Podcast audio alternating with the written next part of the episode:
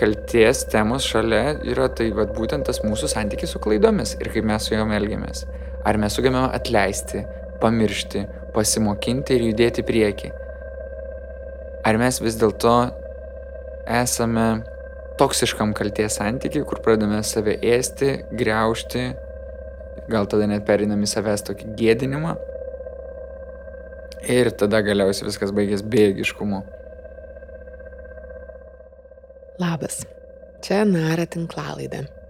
Mano vardas Berta Tilmantaitė. Šiandien su bičiuliu ir psichoterapijos klinikos gali būti psichologu Andriumi Jančiausku kalbėsim apie kaltę. Kaip išmokstame jaustis kalti, kuo naudingas gali būti kalties jausmas, kodėl svarbu atleisti ir kodėl priimti atleidimą kartais yra sunkiau negu toliau nešiotis kaltę. Beje, jei šiuo metu jaučiate, kad jums ar jūsų artimiems žmonėms reikėtų psichologinės pagalbos, prie šios publikacijos Nara tinklalapyje galite rasti informacijos, kur ir kaip tą pagalbą gauti. Jei epizodo klausote podcastų programėlėje, tiesiog paspauskite nuorodą aprašymo pabaigoje. O dabar leiskime į pokalbį.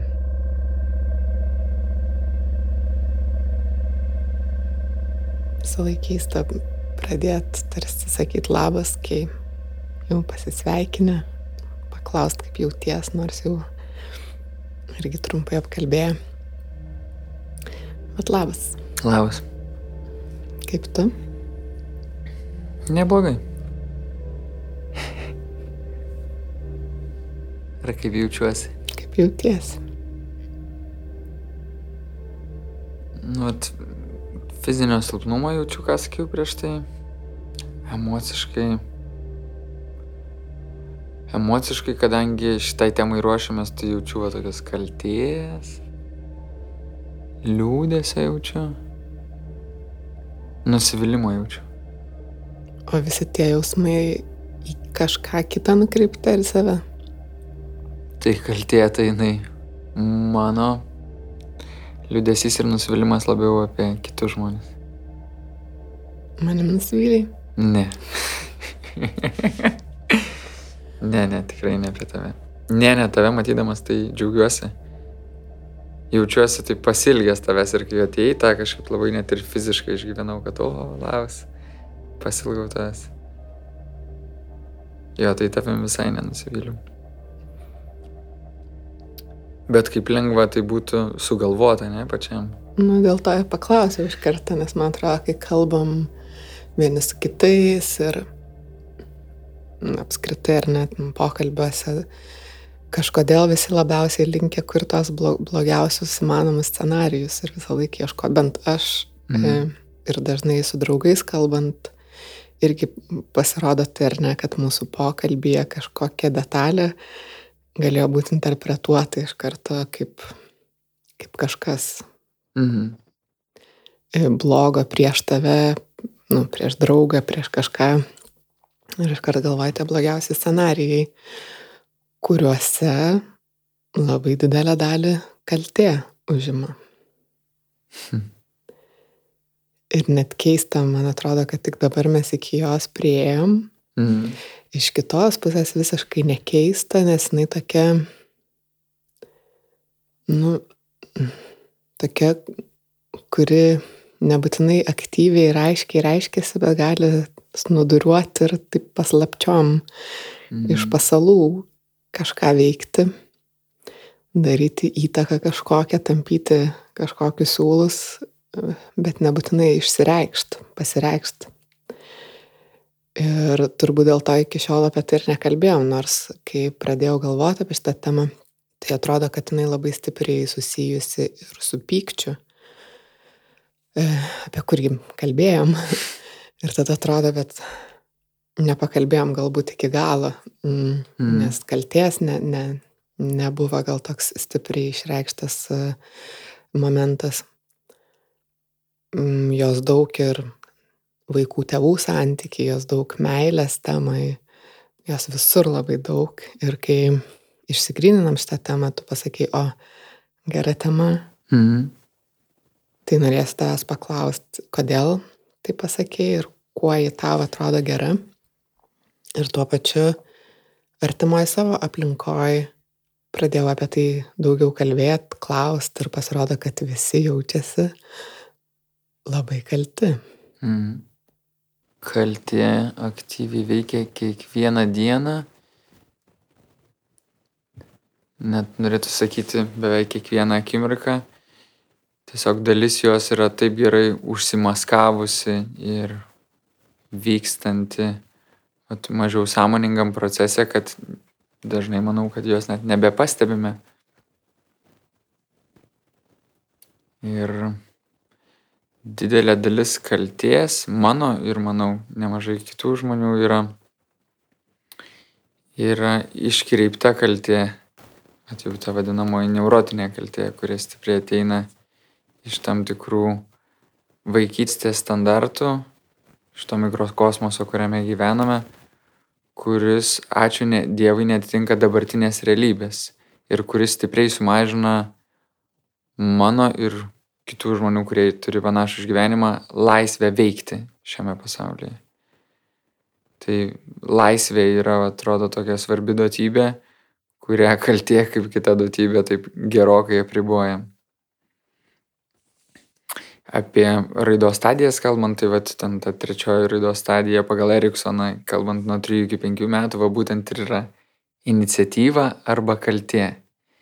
Ir aišku, svarbu, kad, kad pas vaiką tiek vienas, tiek kitas vystytųsi, kad jis būtų iniciatyvus, bet ir jaustų tos kalties ypatingai iš tos perspektyvos, kad formuotųsi tam tikri moraliniai standartai, kurių dėka mes lengviau galime sugyventi kartu iš kitos pusės be standartų, kad formuotųsi ir atjauta, kad va taip pajausti, kad kaip elgdamasis aš galiu užgauti kitą žmogų.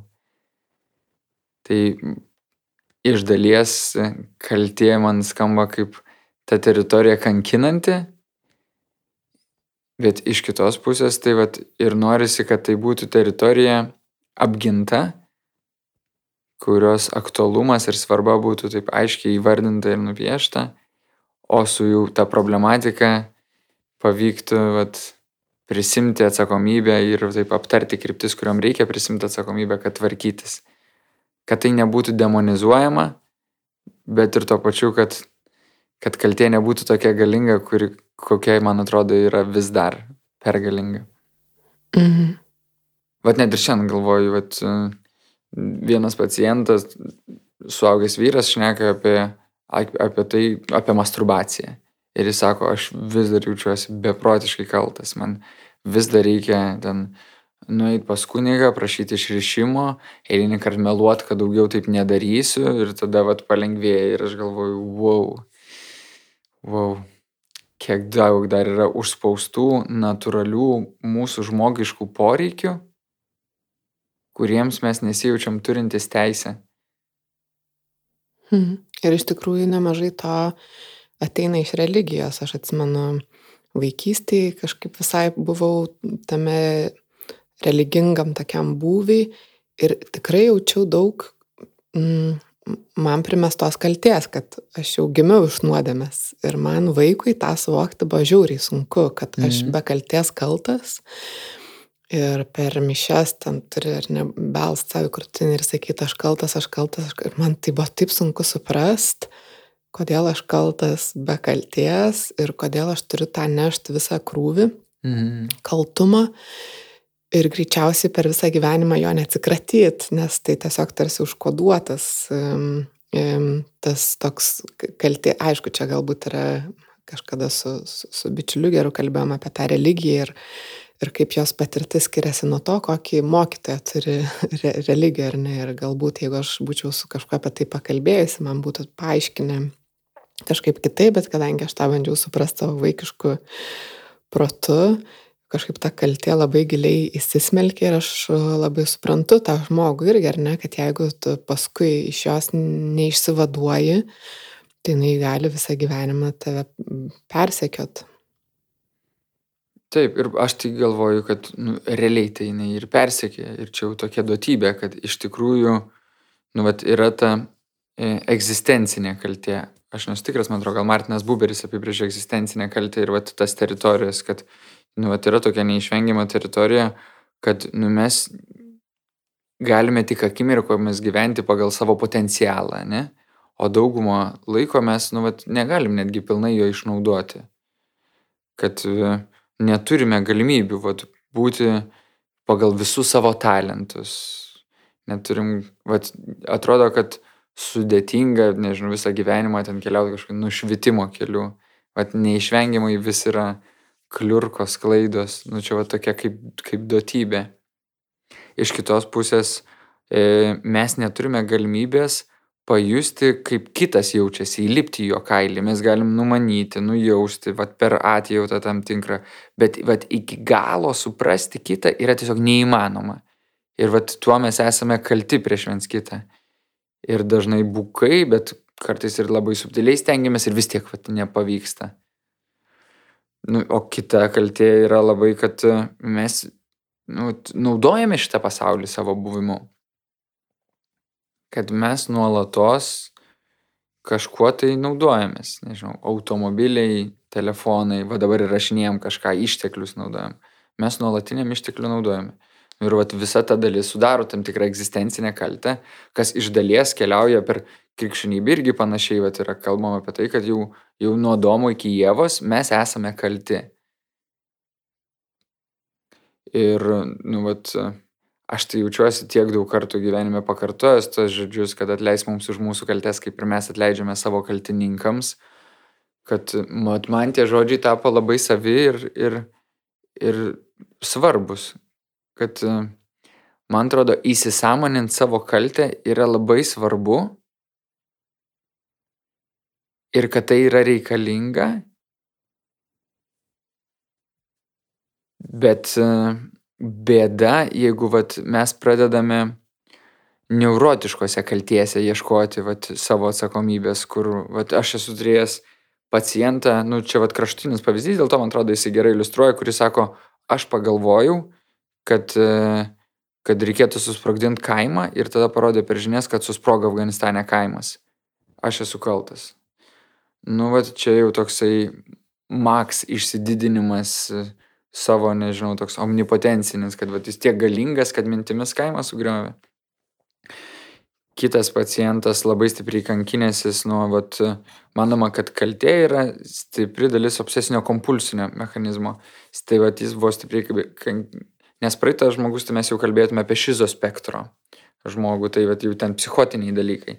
Bet va čia nais obsesinis kompulsinis ir jisai, jisai pykdamas ant mamos dažnai pagalvodavo, kad va mama mirtų ir mama susirgo vėžiu ir numirė ir jisai niekaip negalėjo savo atleisti, nes jis jautėsi, kad va, vėlgi jo čia yra jau tas maginis mąstymas, bet kad jo mintis buvo tiek galingos, kad mama susirgo vėžiu.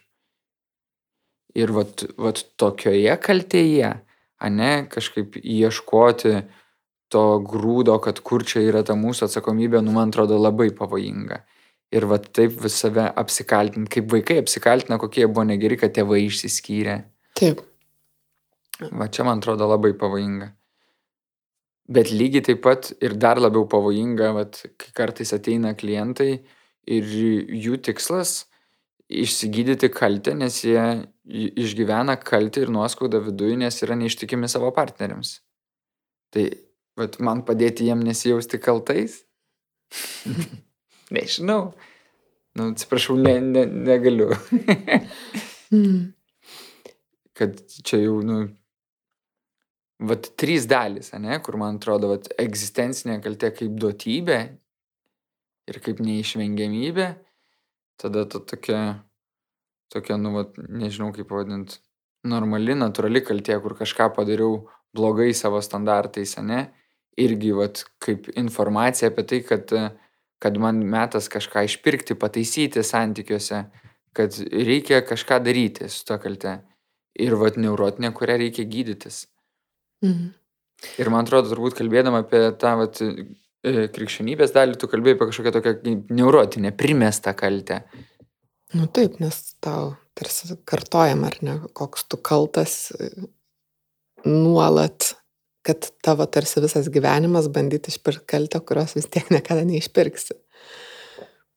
Kodėl, nu tai prigimtinė nuodėmė nuplauna krikštas.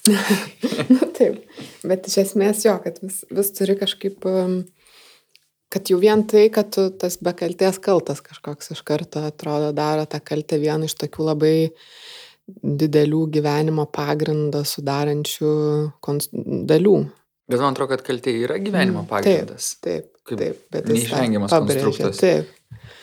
Ir man netrodo blogai pabrėžti. Mm. Netrodo blogai pabrėžti. Mm. Ir man atrodo, kad jeigu kiekvienas mes gale dienos rastume vat, laiko vat, atsiprašyti už kažką, vat, pabūti su ta kalte, padėkoti už kažką, pabūti su dėkingumu ir paprašyti kažko, kur vat stinga mum ir trūksta. Vat, taip tiesiog vat, nukreipti į tokioj, nežinau, nebūtinai Dievas, nebūtinai energija, likimas, bet lygiai taip pat ir vat, savo ir savo būvį kažkam. Nu, čia gal tas trūkumas adekvataus santykio su kalte, Tai va, kaltė ir atsiprašymas labai taip, svarbi dalis. Ne? Taip, ir, ir apskritai tas santykis, ar ne? Nes manau, kad um, dalis žmonių gali nepajėgti jausti kaltę, nu tiesiog nenori jos primti, dalis žmonių galbūt nenori atsisakyti kalties, dalis žmonių nori kaltinti visus kitus mm. ir nenori atleisti, nes tas kaltinimas yra kaip ir kontrolės būdas. Kad tai yra daug tokių skirtingų santykių su kaltės atleidimu. Mm ir skirtingai tas kaltes gali veikti, gali veikti naudingai, gali veikti žalingai. Taip.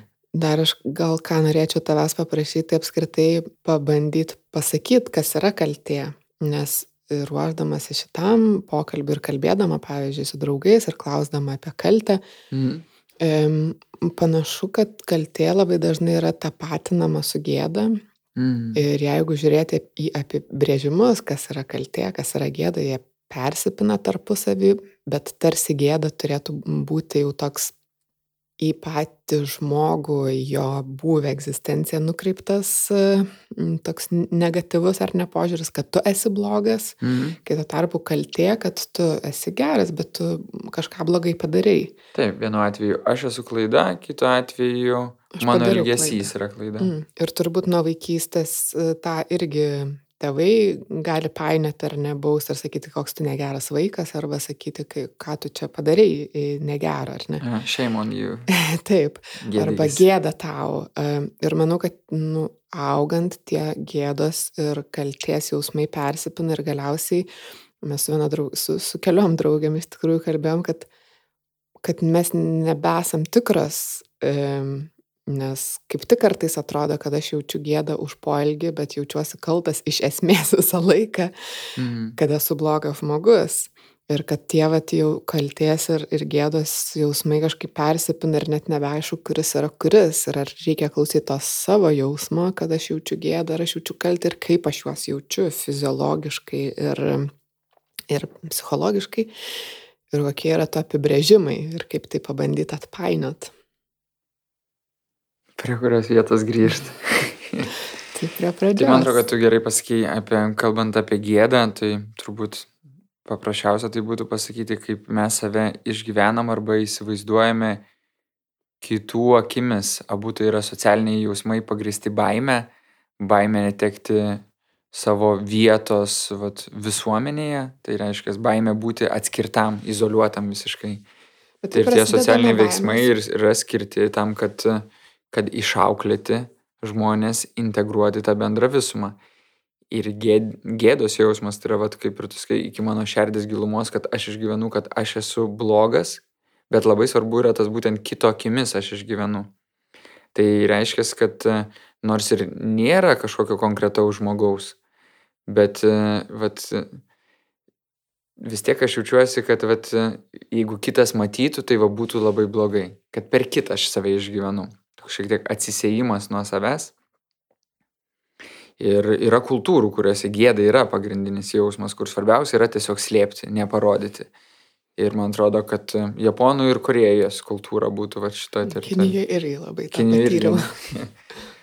Kai tuo tarpu kaltė, jinai gali jau remtis, nu, aišku, gėdą mes irgi ilgainiui introjektuojame visuomenės e, tam tikrus lūkesčius ar normas į save ir, ir išgyvename, tarsi nėra kitų žmonių, bet mes jau išgyvenam, kaip apie mus jaus. Bet kaltė va, daug labiau remiuosi, galiu remtis į savo standartus, kad va, pagal savo standartus aš negerai elgiuosi ir už tai jaučiuosi kaltas. Ir kaltas tai yra vėl, kaip tu pasakai, konkretus mano elgesys kad tai iš principo gali būti, kad pereimas į kaltę gali reikšti, kad vat, aš susirenku tą savo savastį ir nesijaučiu, kad mano savastis iš šerdies yra bloga, bet vat, tas elgesys yra toks, kokio aš nenorėčiau kartoti, nes man jisai nepatinka. Ir vienu atveju man nepatinka pagal mano standartus, o kitu atveju galbūt, kad nepatinka, nes per atjautą aš jaučiu, kad užgaunu kitą žmogų ir aš nenoriu jo užgauti. Ir kad gal net jaučiu, kad vat, mano standarto nepažeidė, bet kitam žmogui skauda. Ir aš kaltas, nes man nesinori, kad kitam skaudėtų. Ir noriu šito nebekartoti. Mhm. Bet, tai... Bet man patiko vat, ta mintis, kad, kad per kaltę mes e, tarsi aiškinam vaikui, ką jis turi daryti, kaip jis turi elgtis, kad išliktų mūsų šeimoje, nes kitaip mes jo nebemylėsime. Taip, ir tai, ką tu sakė apie tą baimę prarasti santykius, tai pirmiausia, tai yra tas santykis su tėvais ir kad mes turim atitikti jų reikalavimus ir jų taisyklės. Mm išpirkti kaltę arba mm, nesielgti taip, kaip mes norim elgtis ir užspausti tą savo... Jeigu dar strikuosi, eisi į kambarį. Eik į kambarį, kaip norimsi galėsi grįžti pas mumis pabūti kartu. Taip, kai tuo tarpu tu tiesiog tuo savo isterikavimu galbūt bandai išreikšti kažką, kas vyksta tavyje, kažkokį ir tu nežinai, kas su tavim vyksta. A, ir nemoki kontroliuoti. Ir nemoki to išreikšti. Dėl to, va, toj diskusijai, kur, kur tam tikra dalis sako, kad kaltė tarsi vystosi apie antros, trečios metus, o jau kita dalis sako, kad ne, tai yra gerokai sudėtingesnis jausmas, kuris tik tais apie šeštuosius metus pradeda vystytis, kai žmogus pradeda suvokti tą pasaulį, kad kaip kitas jame jaučiasi, kaip aš suvokiu, kaip tu jautiesi tame. Mhm. Tai iš esmės tu tada turi nuslapinti tą savo autentišką jausmą ir prisitaikyti. Bet čia yra nuolatinis neišvengiamas konfliktas tarp mhm. individualumo ir bendrumo. Ir vat klausimas, kiek, kiek stipriai kontroliuojančius, dominuojančius, aiškinančius, brėžiančius ribas, engiančius ir siekiančius, kad paklustum tėvus gavai. Mm. Paskui tai persikėlė į mokyklą, universitetą, santykius su draugais. Bet jeigu turi, jauties labai saugiai su tėvais e, ir mokykloje kažkokie mokytai stipriai engtų, tavęs tai stipriai nepaveiktų. Bet jeigu... Bet jeigu jau neturi to pagrindo saugaus autoriteto, to tokio saugaus prieraišumo, tai tada tai be abejo. Ir tada viskas tiesiog dar, dar stipriau auga, akumuliuojasi. Pabrėžia tą nesaugumą būti savim jausmą, ar ne? Mm. Aha, ir tada aš esu kaltas, kad esu toks, koks jums netinka, nes niekaip nerandu būdų atitikti jūsų reikalavimus ir išlikti savimi.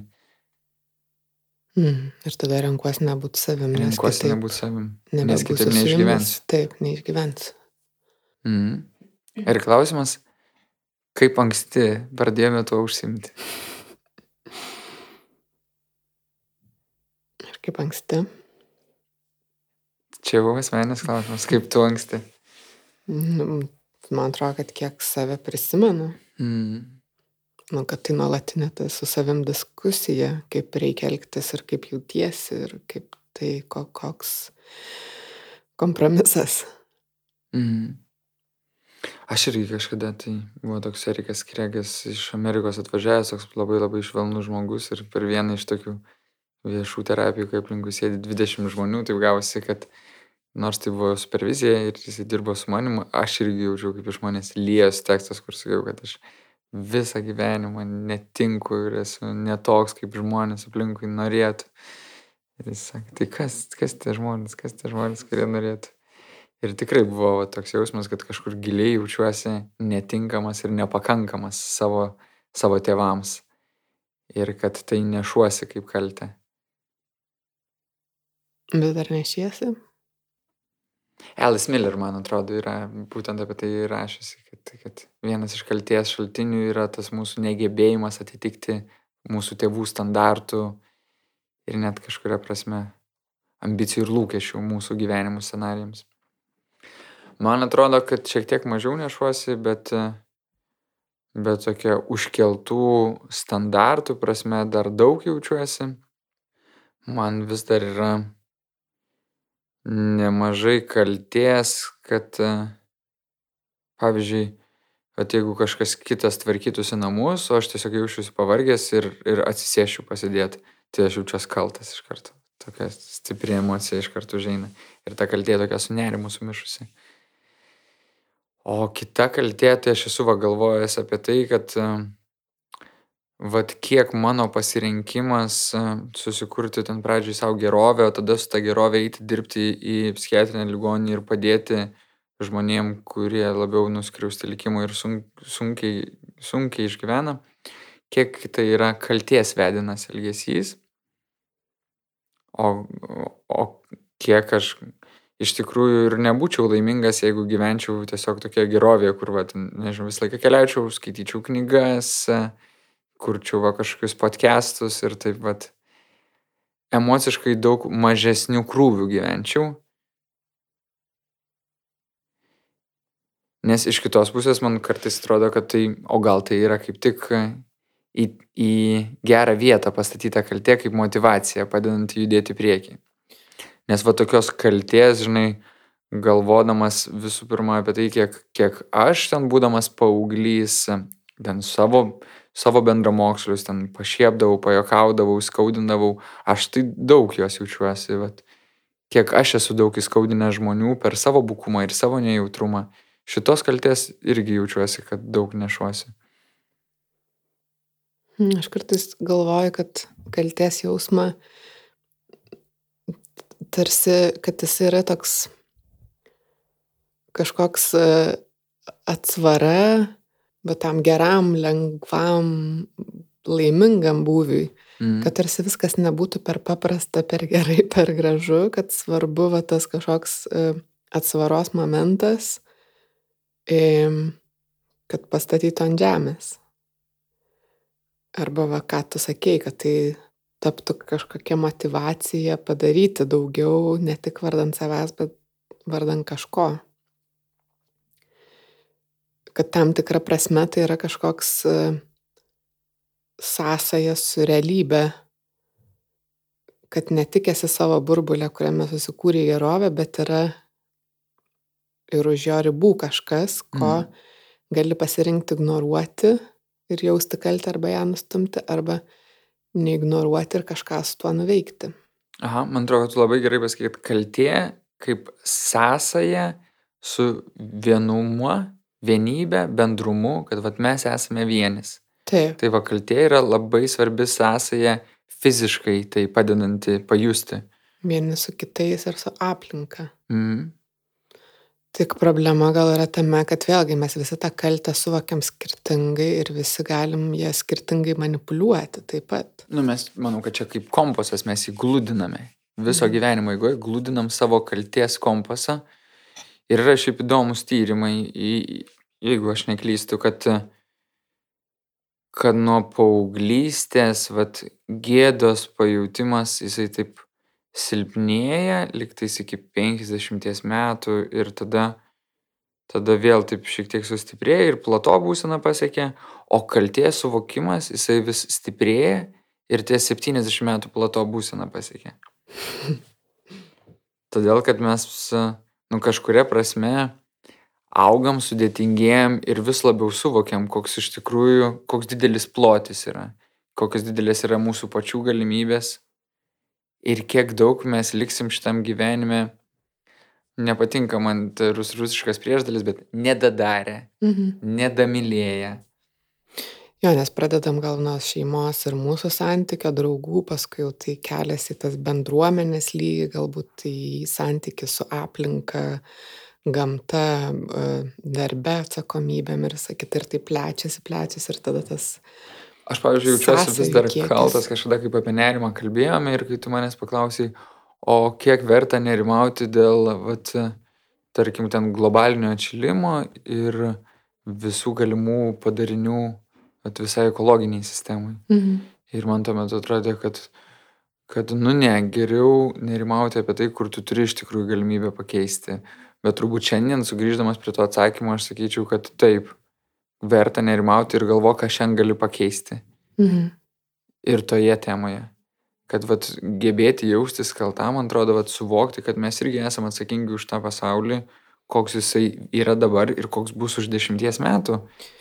Bet čia gal irgi, žinai, yra tas toks adekvatumo su kalties jausmu klausimas, nes labai lengva nuo tos kalties, va, kaltas dėl to, dėl to, dėl to ir tai susideda ir tu nuslysti jau į gėdą, kad jau aš esu blogas žmogus, nes Mhm. ir dėl to kaltas, ir dėl to kaltas, ir dėl šito dar kaltas, ir gal nebesugebu susitvarkyti su to kalties jausmu. Ehm, Ir tiesiog esu dėl visko kaltas. Mhm. Ir tada galbūt jau esu blogas žmogus ir tada jau tas krūvis toks sunkus ir toks didelis, kad prispaudžia taip, kad nebegali jau nieko padaryti. Mhm. Jo, svarbus klausimas, kaip atrasti jėgą kaltėje. Kaip atrasti, vat, nu ir man atrodo, kad čia jau yra apie tam tikrą atsakomybės pasidalinimą ir tą jautimą, kad, nu, vat, aš vienas kaip ir negaliu jausti atsakomybę už visus 7 milijardus. Mhm. Jo, vat, čia nesnai su, su viena mama dirbome ligoniniai, kuri, kuri sako, mano sunus vartoja stiprius narkotikus 15 metų, tada nusižudė. Ir aišku, natūralu, kad aš jaučiuosi kalta dėl to. Ir va toks tarsi ir klausimas, ne, o kiek va ta mama kalta? Nu, jis sako, aš 80 procentų iš šimto aš esu kalta. Vat žmonės kalbasi, žinai, vat kažkas sako, nu, nu kaip palaukit, o tai, o tai to žmogaus, ar jo paties gyvenime jisai turi galimybę turėti jisai, va, bent jau tą kontrolinį paketą, kad jisai atsakingas, kad jisai galiausiai nu, navartojo narkotikus, kad jisai galiausiai nusižudė. Nu ir čiukš staiga, vat jau, jau žinai, kokia 60 procentų nukeliauja pas tą žmogų, lieka tik tai 40. Tada kyla klausimas, okei, okay, o tai jūs, bet dar yra tėtis. Dar, nu, vat jis turėjo kažkokio partnerę gyvenime, draugų turėjo. Staiga tas 40 procentų dar mažėja, žinai, ir galiausiai moteris sėdi ir sako, kad aš noriu, kad 20 procentų man liktų. Vat ir 20 procentų jau skamba visiškai kitaip negu 80.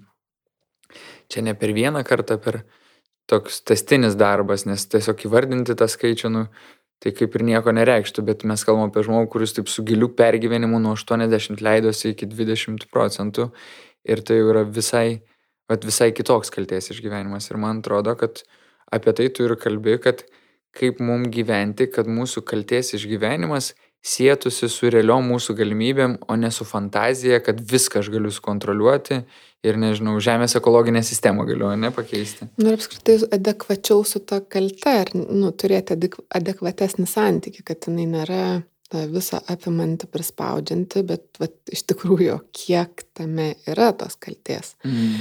Ir va čia šita tema man irgi atrodo, jinai labai svarbi apie kaltę kalbant, kai nusižudo artimieji, kai priklausomybėse yra artimieji žmonės, kai tu tarsi buvai vienas iš tų arčiausiai esančių, bet kažkodėl nepamatėjai, ne, nepadarėjai, nesugebėjai ar ne. Nes tokiose situacijose, ypač kai žmogaus jau nebėra, Mm. to, kurio poelgis tau tą kelią kaltę, labai sunku su tuo tvarkytis. Ir čia tikrai tai užgriūva tokiu didžiuliu svoriu ir tokia jėga, kad atsistot sunku. Mm. Ir Aha, va puikus pavyzdys, ne, kur nusižudė e, ta mama su kūdikiu, Taip. o galiausiai nusižudė vat, ir močiutė. nes turbūt irgi kalties, ar ne? Atrodo, kad ir kalties, ir manau stipriai gėdos. Mhm. Taip pat kažkaip Jau taip nuneša mintis, kad mažas miestelis, didžiulis skandalas, žmonės nuo jos iš karto nusisuka. Aš esu dirbęs su mama, kurios dukra nusižudė ir jinai sakė, vienas iš dalykų sunkiausių, kurį buvo išgyventi, visi žmonės nuo manęs nusisuko, nes jie nebežinojo, kaip su manim bendrauti. O iš dalies, o kad tame nusisukume, aš jaučiau ir kaltinimą. Mhm. O kiek dar pas mus yra ir to kito fenomeno, tai aukos kaltinimo ar ne, kiek yra. Kiek seksualinė prievarta ir tada žmonės žiūri, kad o tai, o ko tu ten važiavai pas jį. Taip, nu, dar ypač irgi vaikystėje, man atrodo, tas dažnas naratyvas, jeigu kažkas atsitinka, kad vaikai jaučiasi kalti, jog jie kažką netai padarė. Mm? Kad jais pasinaudojo prieš juos smurtavo, kad tai yra toks irgi, čia vėl ta baime prarasti santykius, turbūt baime iškristi iš, iš to. Bet net ir užaugus yra baime prarasti tą pasakos naratyvą, kurį savo viduje susikūriau, ant mm. kurio stojasi gal iš dalies ir netikra, bet vat, mano savastis. Mhm. Kad nėra lengva iš tikrųjų nueiti tą kelią, kad pasakyti, kad ne, su manim neturėjo teisės niekas taip žiauriai elgtis. Aš nebuvau kaltas kaip vaikas.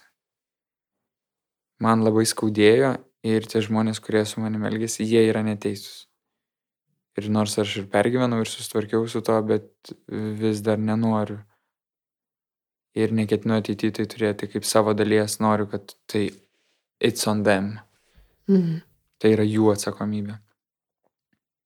Ir nėra lengva taip vat perrašinėti. Bet įmanoma. Mhm. Ir turbūt pradžiai vat, svarbus tiek šitoj situacijai, tiek tos vat, savižudybių situacijoje, ką tu ir minėjai, tas vat, bandymas atrasti santykių su kalte. Mm. Kiek iš tikrųjų jos yra tavo. Mm. Kad neprisimti visos kaltės ir, ir, ir atsakomybės savo. Bandymas suvokti visgi, kokiam pasaulyje aš augau ir ko, kaip tame pasaulyje elgėsi mano tėvai. Nes jeigu tai yra stipriai persigandę žmonės, kurie nuolatos sako, nedaryk, ne, taip negalima, nereikia, nesielg šitaip. Ir reiškia, mano viduje vis dar yra tas pats, vat, toks pats kaltintojas, kuris sako, taip negalima, nedaryk, cenzorius toksai labai stiprus. Nu, gali būti, kad jisai yra apie kažkokią labai subjektyvę ir sudėtingą tėvų patirtį.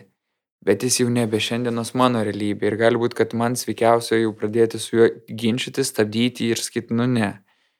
Sorry, bet aš jau didesniai laisvai gyvenu ir aš noriu tą laisvę naudotis. Aš noriu savo leisti, noriu surizikuoti. Ir man jau reikia kito, kaip tik nekaltinančio, padrasinančio balso, kuris sakytų, pamėginkime. Nu, pamėginkime, nepasiseks, tai nepasiseks. Alan Watts, man atrodo, turi YouTube tokį įdomų įrašą, kuris pasako apie tai, kad e, kažkaip tenais vat, grot pieninu buvo toks metodas, jis ir, ir, ir, ir jo bendramžis irgi kai mokėsi, kad kažkaip ten, ten britvas prikabindavo prie rankų ir su pieštuku tada tik trinkteldavo ir tos britvitės taip žukšt, mm. jeigu blogą natą sugrojai. Ir jis sako, kaip man gera buvo išgirsti paskui, mokytoją, kuris e, kalbėjo apie tai, kad sako, nu, vat, sugroji blogam natą. Na ir kas? Grok toliau, stenkis nepamesk ritmo. Gali kartuoti, kiek norit, na, bet jeigu paskui vat, ateis momentas ir sugrosi gerą, kai bus smagu ir jeigu šiek tiek išsigandai, sulėtėjai, bandyk išlaikyti tą patį ritmą, bet lėčiau. O tada bandyk grįžti į, tą, į, į ankstesnį ritmą. Ir iš tikrųjų, juk kalties temos šalia yra tai vat būtent tas mūsų santykis su klaidomis ir kaip mes su jom elgiamės. Ar mes sugebame atleisti, pamiršti, pasimokinti ir judėti į priekį. Ar mes vis dėlto esame toksiškam kalties santykiai, kur pradame save ėsti, greušti, gal tada net perinam į savęs tokį gėdinimą ir tada galiausiai viskas baigės bėgiškumu. Mhm. Nu, paminėjai Alan Watts, aš irgi ieškodami apie kaltę radau tokį mažą fragmentą jo, kuris jis sako, kad kai žmonės pradeda jaust kaltę, vietoj to, kad kažką praktiško padarytų, eina va iš pažinties arba, arba ieško, ana, analizuoja, ne, ten va terapija galbūt ar kažką, vietoj to, kad kažką praktiško padarytų. Mm. Kaip gyvūnai, ir ne, nu, va, jie nejaučia kalties, kad e, galėtume. Mm, aš manau, kad žinai, kad Kad vat tuo žmonė ir pažangesnė už gyvūniją, kad turi kaltę. Bet taip, taip, tai aš tą visiškai suprantu. Bet to pačiu joje galima užsivazuoti, ne? Taip, ir ką jis sako, kad nu, vietoj va tos išpažinties gal verta kažką praktišką padaryti ir ištaisyti tą kaltę, nes nu, tai yra mūsų būdas mokytis, kad klaidas daryti normalu, suklysti yra normalu, nes tai yra mokymosi procesas mm. ir tu negali nieko išmokti nepadaręs klaidos. Ir jeigu tu padarai klaidą, tu gali atsiprašyti, ją ištaisyti ir pasimokęs iš to judėti toliau ir pagroti toliau, ką tu prieš tai sakei. A, ir va būtent tas, bet tas žmogus, apie kurį pasakoja Alan Watts, jis sako, man nuo to daužimo nutiko taip, kad aš sako, aš jau nei vienos natos nebegerai nesugebėjau pataikyti. Aš buv, visiškai užsiblokavau. Ir vat, aš esu stebėjęs tokį labai gerą pavyzdį, kad ligonį pacientas jau ten likus dienai iki išrašymo, sudėtingas pacientas, gan vaikiškas pacientas, sudėtingas to, kad dar ir psichotiško registro pacientas jisai ten nusipirko vyno paslapčia, bandė ten tą vyną išgerti, jam ne iki galo gavosi, sesutė ten jį pagavo, kitą dieną prasideda toksai jo teisimas. Tai kaip tu čia galėjai, kaip tai padarėjai. Ir kažkas sako, tai ir tu jautiesi kaltas ir jis toks visas kaip vaikas. Ne, kas čia kaltas. Pagavo, tai pagavo, būtų geriau nepagavę. Taip kažkaip ir vat žmonės užpyksta ir pradeda jį kaltinti, tai kaip tu čia taip, tu, koks tu dar jaunas, kaip tu nesugebi. Ir vat visas tas kaltinimas eina ir varimas toks ant jo. Ir jis blokuojas, blokuojas, blokuojas ir vat niekas neveikia. Ir man atrodo, mes dažnai, vat aš irgi tą stebiu, kad jeigu aš ant savo vaiko bandau kažkaip ten taip stipriai, tai kaip tu čia padarai, negalima nesielgti taip. Jeigu jis, nu, ten ateina ir trenkia man. Ir kaip visai kitokia mokykla yra, jeigu jisai man trenkia ir aš taip pašaroju ir sakau, au, skauda man. Ir kaip, bet visai kitaip nutiko, kai vienas vyras atsistoja ir sako tam pacientui, žinai, sako, nu man, man labai skaudu ir man labai liūdna. Kad, kad taip atsitiko, kad mes, sako, kartu at, visą laiką dirbom ir aš labai stengiausi tau padėti ir jaučiau, kad tu branginai ir mūsų draugystę ir šitą vietą. Ir vat, man lieka tas jausmas, kad sako, kad vat, ne iki galo aš tau padėjau. Nors tikrai labai stengiausi. Ir tada matosi, kaip, kaip anas pacientas iškart pasikeičia. Nes vat, į tą tokį pažeidžiamumą atsakymas pažeidžiamumu. O vat, tai į tą piktą kaltintoją atsakymas yra užsiblokavimu ir joks progresas nevyksta. Čia įdomus tas santykio su kalte momentas, aš pati dažnai jaučiu ir vat, mes šitą pokalbį anksčiau turėjom įrašyti, turėjom daug laiko jam apgalvoti ir tada dar daugiau laiko apgalvoti ir vis stebėdavau ir save, ir savo elgesį, kad tarsi ta kaltė kartais yra turbūt toks, ką ir dabar šitoje situacijoje pasakai, kaltinti ar ne, netgi žeminti tam tikrą prasme, tai yra toks noras kontroliuoti situaciją, būti tarsi aukštesniai, geresniu, teisesniu, taip. Taip.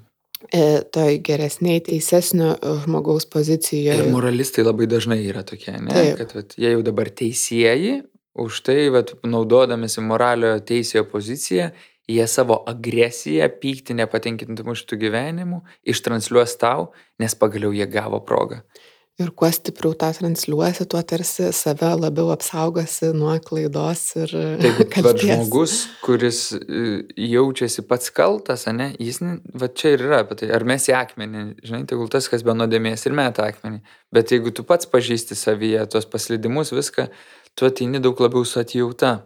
Nes mažiau yra išgyvenimo, kad vatys yra blogas obolys, o aš geras obolys, mes kitokie. Mm, kaltė yra daug to gėrio blogio kovos. Čia galima kalbėti ir apie nusikaltimus, teismus, nu, įvykdžius nusikaltimą turi esi pripažintas kaltu mm. arba išteisintas ir esi nekaltas. Kad čia irgi labai tas vat, momentas kalties teis, teisišku, teisėjiškumo, teisuoliškumo ir to skirstimo į gėrį ir blogį. Ir jeigu tu neteisi, tai tarsi tu būsi irgi blogio pusėje. Kad tu skirstydamas kitus ir save skirstai, tarsi kurioj pusėje esi. Nu, tik tai neteisi, tai man atrodo, vertinimas yra irgi tokia kaip nu, natūralus automatinis procesas, ne tik tais vertindamas, ar gebėsi išlikti santykiai su žmogum, kuris, nu, ar nusikalto, ar kuris šiuo metu net kažkaip neteisingai elgesi, ar visgi pats atsiribosi nuo jo ir pradėsi kaltinti. Bet kartais kaltinti nebūtinai reiškia atsiriboti, priešingai tu gali norėti kaltinti, laikyti tą žmogų kaltu tam, kad laikytum santyki nes jisai, nu, tavo siekis bus, kad jisai bandytų vis tą kaltę išpirkti. Mhm. Ir kad tu tarsi mm, laikysi tą kalties jausmą ir kaltinimą prie žmogo, jis vis bandys išpirkinėti ir ant to gali būti pastatytas jūsų santykis. Aha, tik tai sutinku, kad toks tada tai labai funkcinis, ne, santykis. Bet santykis. Aha, ar bet koks santykis yra geriau nei nieko. Nežinau. Bet tiesiog, vat, galvodama apie kaltę, galvoju apie tai, kad kartais tai gali veikti kaip įrankis manipuliuoti, kontroliuoti. Taip, aš jaučiu, kad vat, vienas iš mano klientų ir išeidinėja iš tokio santykio, kuriame santykiai stipriai rėmėsi ant to, kad e, partneriai nuolatos kaltina ir sako, tu nepakankamas, tu nepakankamas, tu nepakankamas. Bet staiga jis jaučia, kad jis nebenori turėti tokio santykio, kuris visas remiasi į tai, kad vienas yra dominuojantis kaltintojas, kitas yra nuolat nuolankus tas žmogus, kuris vat, su tobulu teisėju gyvena, nes jisai pradeda jausti, kad nebesutinka su to matymu. Ir kuo daugiau jis pradeda konfrontuoti, teisėjas dar labiau erzinasi ir mato, kad šita schema nebeveikia. Ir arba jie tada abu evoliucionuoja į kažkokį didesnės santaikos santyki, arba kaip tik konfliktas, konfliktas, kol galiausiai išsproksta viskas. Mm. Iš kitos pusės atlaidumas ir toks gal per didelis atlaidumas irgi gali nebūti sveika, kai jeigu niekada nekaltin ir dėl nieko nespyksti. Em, Aš apie kaltę kalbėdama su viena draugė, jinai man sako, žinai, tu turėjai tiek progą ant manęs supykti Mm. ir tiek kartų mane kaltinti ir niekada to nepadarai. Ir tai man kelia įtarimą, e, kad kažkas čia negerai. Ir pradėjau galvoti apie tai ir atrodo, kad aš tiesiog visą laiką rasdavau pateisinimą. Ir dažnai, turbūt nenorėdama konfliktuoti arba pykti, arba galbūt bijodama prarasti santyki, tiesiog ra- randu pateisinimų, o kartais netgi savo prisėjimu kaltę Mm. tarsi iš vienos pusės kaip ir gerai atleisti, būti atlaidžiu, iš kitos pusės turbūt visgi svarbu nenupulti kraštutinumą ir nepraryt pykčio ir tuo labiau nenukreipti į save, bet irgi kažkaip Aha, adekvačiai Į sureaguoti. tai, pyktį ne? grįžom, ne? Ir, Į pyktį grįžtam, taip, nes, nes tada dar gebėt galvojau, jo, kad Pasidalinti pykčiu ir kaip neimituoti ribų, kurių neturiu, ne? o priim savo realias ribas ir apie jas taip šiltam santykiai informuoti kitą, kad žinai, va, va čia jau man, man nepatinka, man jau skauda. Mhm, Nes kaltinimas tada kaip pykčio forma, o, o kaltė kaip būdas pastebėti, kad kažką netai padariau kitam žmogui santykiai. taip, nes aš man atrodo net nemoku ir negebu pykti be kaltinimo. Bet yra ta mintis, kad labai dažnai santykiuose, e, jeigu žvelgtume į du žmonės, tai vienas yra labiau linkęs jausti kalties už viską, o kitas labiau linkęs nejaust kalties už nieką ir kad jie puikiai sudera. Toks vienas labiau save kaltina, kitas labiau išorę kaltina ir mechanizmas veikia. Vienas iš gerų gynybos mechanizmų yra vis dėl įvykusių problemų mūsų gyvenimą rasti, kaip kalta yra išorė ir, aplinka ir tas veikia. Daug baisesnis mechanizmas yra tas vat, psichopatijos mechanizmas iš vis nejausti kalties. Jau, čia jau tragedija. Hmm. Bet žmonės, kurie už viską jaučia kaltę, tai man jie vat, kažkuo panašiai kaip ir psichopatai, kurie už nieką nejaučia kalties. Mhm. Nu, vat, kraštutinai iškrypęs kalties mechanizmas.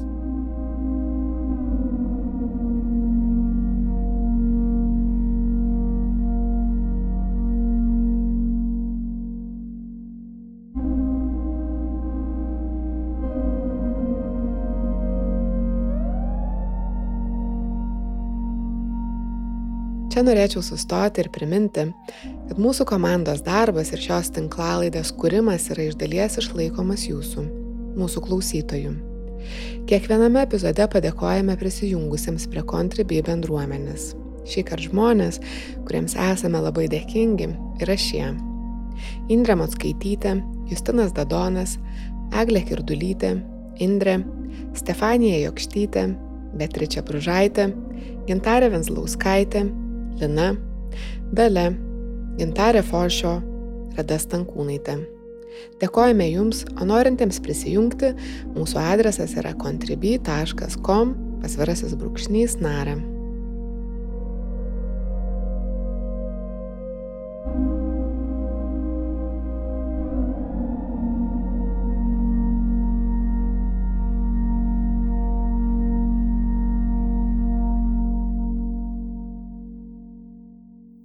Pats dažnai jauti kaltę ar dažniau kaltini? Manau, kad mano gynyba yra labiau surėdyta kaltinti, bet viduje dažniau jaučiu kaltę. Nes šiaip tai įdomi situacija dabar, ne, to mūsų ankstesnio įrašo susitarimo. Nežinau, ar norėsi apie tai išnekėti, bet man tai buvo labai geras pavyzdys ir tinkantis šitai temai, kad mes sutarėme rašti epizodą ir aš jau rašiausi pas tave važiuoti ir tu sakai, o aš miršau, im, negalim šiandien rašyti. Mm. Ir mano pirma reakcija yra, nu, pyktis, kaltinimas, nusivylimas. Tada kaltė irgi prieš komandą, nes aš pavedu ten visą išderinu darbą. Bet tarsi iš karto tuo pačiu metu aš ieškau pateisinimo ir išpirkimo tau, kad tu taip to nenorėjai, taip atsitiko. Mm. Ir tada pradedu jausti kaltę, kad aš jaučiu pyktį, Mm. kad kaip aš iš viso galiu iš tavęs kažko reikalauti, nes tu tai darai net lygintinai ir apskritai gal tikrai svarbiau, kad tu dabar tą laiką paskyri asmeniniam konsultacijom, mane įrašui ir, ir kaip aš iš vis galiu čia kažko norėti ir galiu net nueiti iki tiek, kad gal man iš vis jau net nebereikėtų su tam bendrauti, Mm. nes jau gal per daug tos kalties e, e, randasi. Mm. Tai man buvo įdomu tą stebėti, mm. nes kaip tik tą temą ir stebėti tą iš šono, kaip aš jaučiuosi. Aš atsimenu, Bet atrodo, kad tu sakai, kad mūsų tada ryšį galėtų sugriauti kaltė, nors iš šalies tai labiau skamba kaip pyktis. Kad aš pykstu ir štai daugiau su juo nedraugausiu. Bet Nors aš kažkodėl tai tai kaip kaltę. savikaltę, taip. Taip. Ir tai skamba kaip toks pyktis nukreiptas į vidų, kuris virsta savikaltė. Taip. Kas dažnai vat, ir yra tas depresijos mechanizmas, ne? Mhm. Tai aš kaip iš pat pradžių sakiau, kaip aš jaučiuosi kaltas, tai aš labiausiai apie šitą dalį ir sakiau. Tai man, o man buvo įdomu galvoti, koks yra tavo. Ir aš atsimenu, tu parašai man tą. Ir aš, nu, turbūt nusikeikiu, fuck, kad, mm. nu, Mm. viskas griūva ar ne, turbūt yra pikta. Bet kaip ir suprantu viską mm. ir iš karto randu pateisinimą ir iš karto net pradedu jausti kaltę, kad jaučiu pyktį. Mm. Tada noriu tau parašyti, tai, nu, okei, okay, tai, nu, kada kitą kartą. Mm. Nors suprantu, kad gal jau ir nebereiktų kitą kartą. Tada, pa, bet nesinori, kad ir nesijaustum kaltas ir nejaustum pykčio, tai vietoj to, kad o kada kitą kartą parašau blemba, o kada kitą kartą, kad tai Mm. skambėtų truputį pikčiau negu Mm. visai be pykčio. Jau progresas. Bet tada tu netrašai kurį laiką, kas yra normalu, nes tu dirbi, bet aš jau tada galvoju, kad galbūt tu nepakeli mano pykčio išreikštą vienu žodžiu. Ir tada jau aš turiu pradėti jausti kaltę ir jau iš vis gal nebebendrauti ir nebesakyti ir atsitraukti ir jau tada tai yra tavo sprendimas. nebe dėl mano. savo pykčio. Aha, nu. A, Ir apskritai, kad yra tokia situacija ir apskritai, kad aš kažko prašau ir reikalauju mm. iš šito santykio daugiau negu tiesiog draugiško santykio. Mm. Ir gal prašau daugiau negu duodu. Mm. Ir tada buvo įdomu galvoti, kas, kaip, kaip ta, ko, koks tavo yra šitoj situacijai. Aš tai daug paprasčiau, žinau, mastau. Aš mastau, kad, kad mes susitarėm ir mano atsakomybė yra laikyti susitarimų. Ir jeigu aš pamiršau, tai mano kaltė, kad aš toje vietoje nepasinaudojau visom pagalbiniam priemonėm. Ten neįsivedžiau susitikimo, Nors ir mes aptarėm, kad ten po sutikimo tu parašysi tą laiką, tu neparašy to laiko, bet man atrodo, kad čia tik pasteisinimai. Galiausiai, žinai, aš saugęs žmogus, kuris atsakingas atsiminti savo susitarimus. Tai šitoje vietoje visiškai yra mano atsakomybė. Ir mano kaltė. Aišku, kitas klausimas, kaip aš paskui dylinu su tą kaltę, kad man būtų lengviau. Ir aišku, kad toje vietoje aš keliauju, žinai, tą kelią, kad, nu, visų pirma, svarbiausia yra, žinai, šeima. Tada, vat, svarbiausia yra, vat, sveikata ir savipriežiūra. Tada svarbiausias darbas yra mano darbas ligoniniai. Tada privati praktika. Tada jau yra kiek įmanoma verslus sužiūrėti, kad turėtume iš ko gyventi. Nu, ir sorry, tik tada, žinai. Aš jau dar neįvardinau draugai kažkur dar pakeliui. Ir tada galvoju, nu, jo, tokia realybė, kad septintas kamoliukas, natūralu, kad su juo padarysiu klaidų. Ir tada atleidžiu savo tai kaip klaidą. Bet šiandien vis tiek sakai, kad jauti kaltę. Taip, todėl kad mes, vat, aš atleidžiu santykių su savimi, bet kai mes susitinkam, prieš tave aš dar jaučiuosi kaltas. Taip, bet, nu, vat, jeigu mes šiandien nepašnekėtume apie tai, kitą kartą aš jau nebesijaučiau kaltas prieš tai. Tai užtenka ko tiesiog. Vėl grįžti į santykį. Mm. Ir priimti, kad, vat, įvyko mūsų santykiai, žinai, vat, kažkokia klaida, kartu ją pergyvenom, judam toliau į priekį.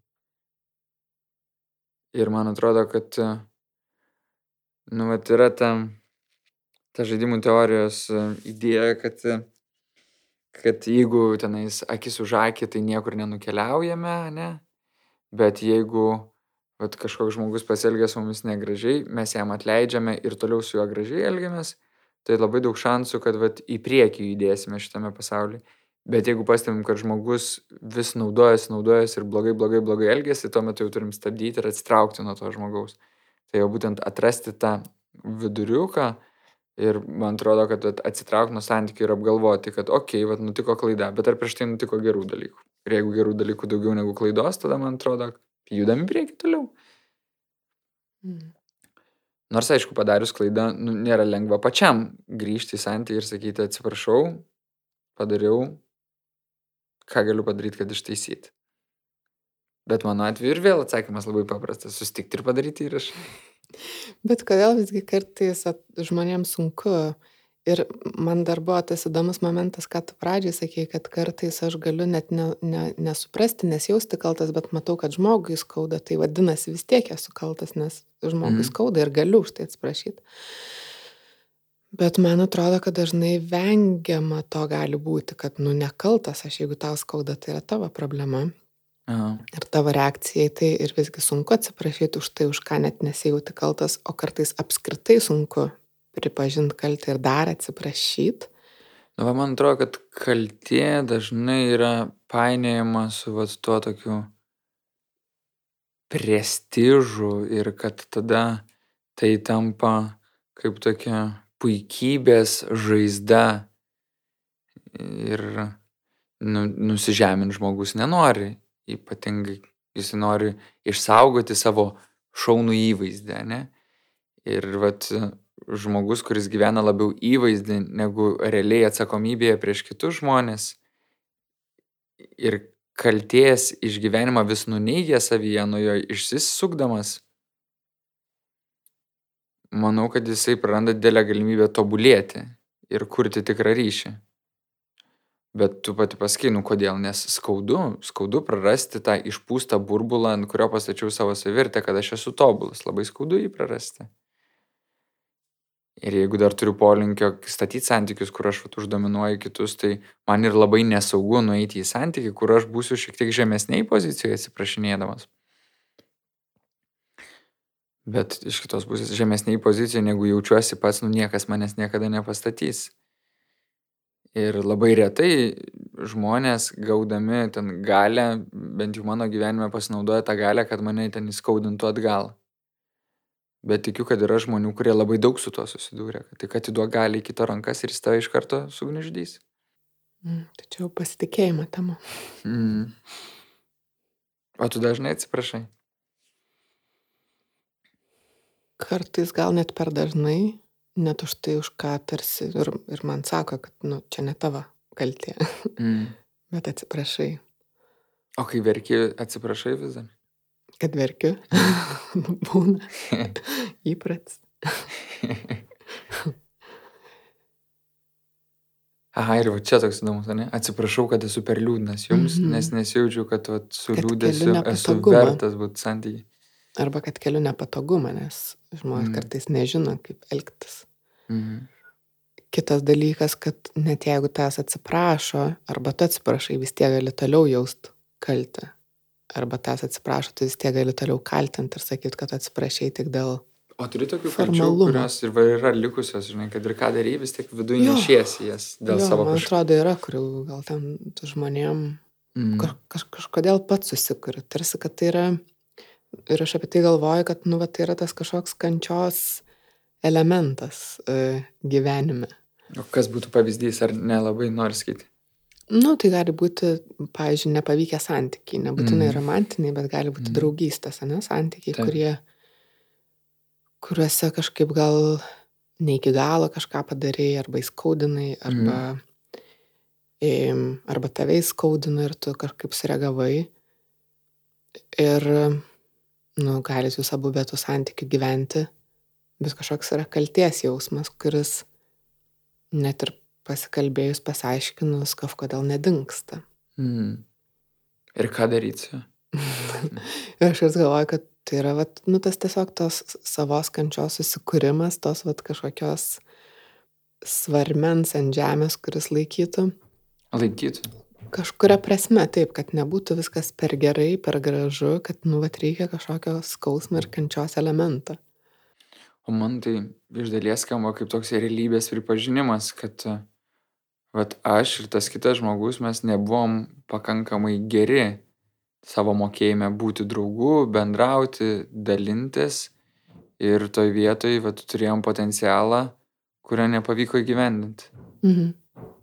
Ir gali būti, kad ir nebepavyks visą likusį gyvenimą. Ir kad natūrali ta dalis kalties. Tik klausimas, ar kaltė virsta į saviplaką. Nes vad saviplaka jau skamba kaip bereikalingo skausmo susikūrimas. Mhm. Kaip sakai, nes tarsi nesijaučiu turys teisės pakankamai gerai ir laimingai gyventi.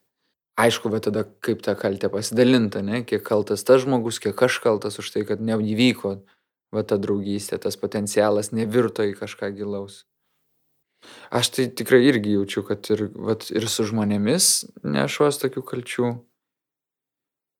Ir tikrai turiu tam tikrų elgesių per visą savo gyvenimą, kurie sukėlė skausmą kitiems žmonėms, kurių kažkaip, vat, nu, turbūt dar užtruks kokį dešimtmečių keletą, kad savo atleiščiau. Bet vat man kažkuo gal ir buvo nuostabi ta knyga Nusikaltimas ir bausmė, kad vat, tikroji bausmė ir vyksta mūsų vidui, kai padarome stiprius nusikaltimus. Ir kad tada ir klausimas, va kas nutiks, ar mes perdėksim nuo tos kalties ir mūsų sąžinė išsiplės iki begalybės, kad turėsime, jausimės turi teisę daryti, ką nori šitam gyvenime ir taisyklės galioja nebe mums. O gal kaip tik evoliucionuosime į etiškesnius, morališkesnius gyvius.